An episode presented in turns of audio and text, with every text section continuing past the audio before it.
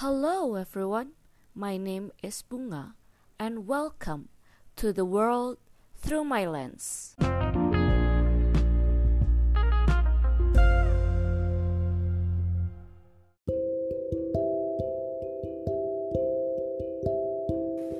Halo.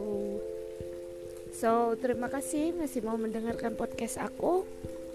Dan episode kali ini aku mau sedikit cerita tentang pentingnya kewaspadaan. Di tahun 2019 lalu, sekitar bulan Juli apa Agustus gitu kan awalnya, aku mau jual beberapa barang nih ceritanya. Baju, sepatu, tas yang memang sudah lama nggak kepake. Rencana biar lebih manfaat aja gitu awalnya sih cuma diiklanin lewat Instagram sama Facebook. Cuman belum ada respon yang terlalu bagus lah.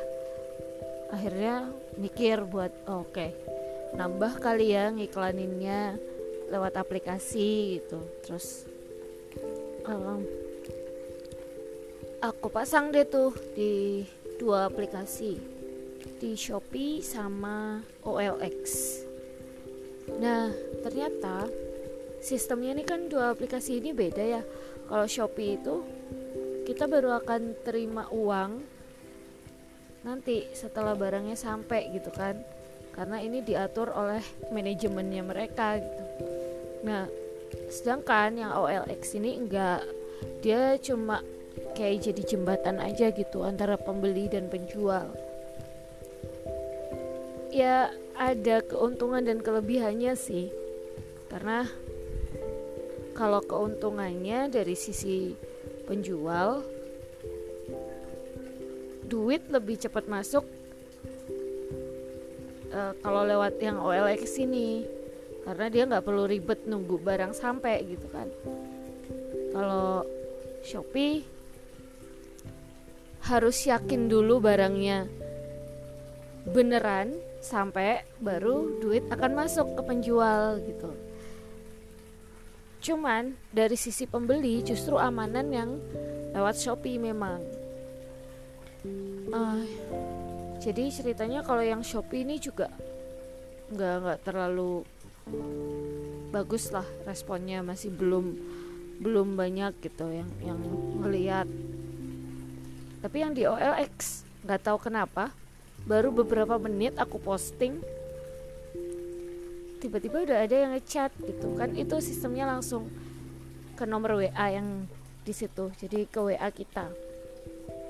Uh, kak bajunya masih ada? Dia bilang gitu. Iya masih. Terus dia kirim screenshot uh, postingan aku di OLX yang ini kan ya kak? Bener? Iya betul. Mau yang mana kak aku tanya gitu kan. Terus dia kirim lagi tapi kali ini hmm, aku waktu itu posting sekitar 8 katalog lah. Dan dari 8 itu dia centang 6 terus dia bilang saya mau yang saya tandai itu kak. Gitu. tolong dihitung totalnya berapa. Dia kasih alamatnya. Waktu itu di Sumatera kalau nggak salah agak agak jauh memang.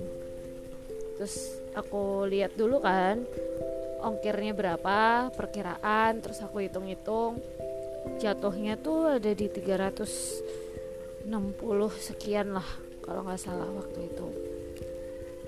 Untuk 6 katalog tadi. Itu pagi dia nanya pagi. Terus aku bilang kan ini kak totalnya sekian nanti kalau udah transfer tolong kabari supaya bisa segera dikirim.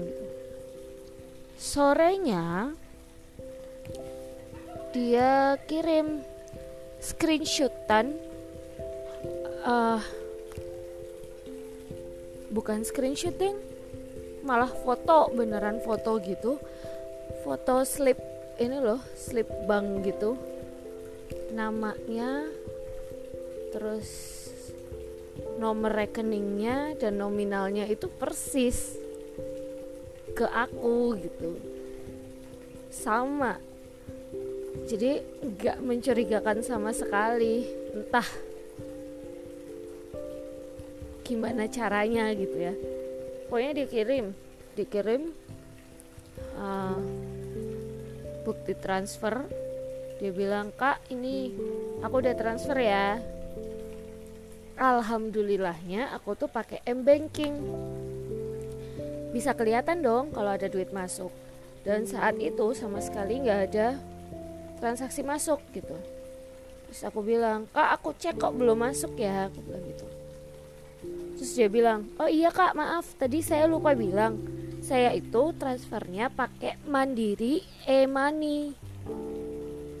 Jadi kakak harus aktifin dulu e-money-nya baru nanti duit itu ketarik ke rekening kakak. Dia bilang gitu.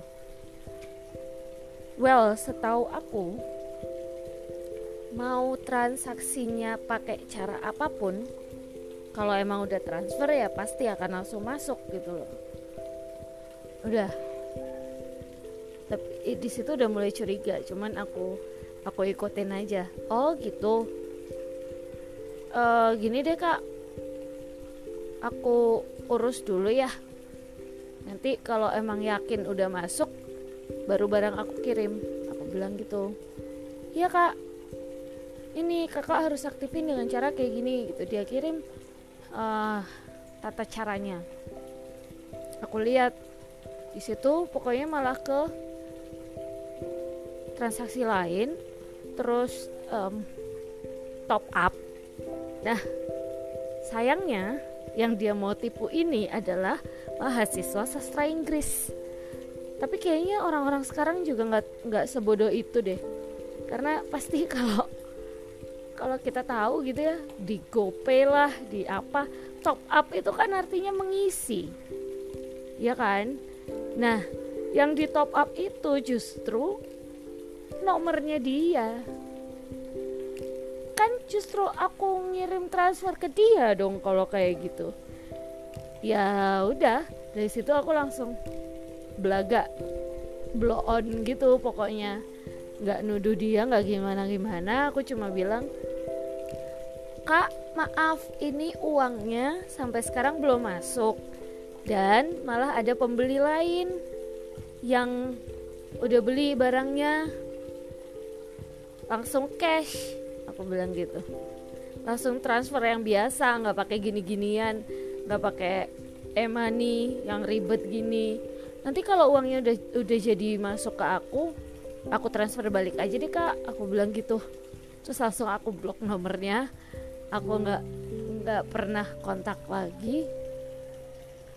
Dan dari pas di blok itu ada beberapa nomor gitu yang terus telepon aku mungkin sih nomor komplotannya mereka ya. Jadi teman-teman terutama buat yang baru jualan atau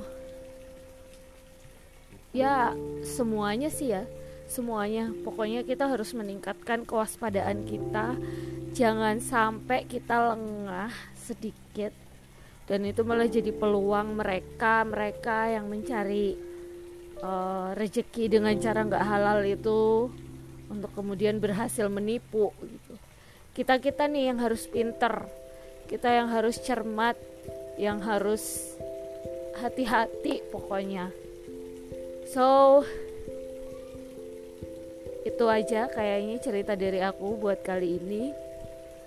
Semoga bisa jadi pelajaran buat semuanya karena kalau di kasusku bahkan sampai udah ngasih bukti transfer yang itu ternyata palsu gitu ya.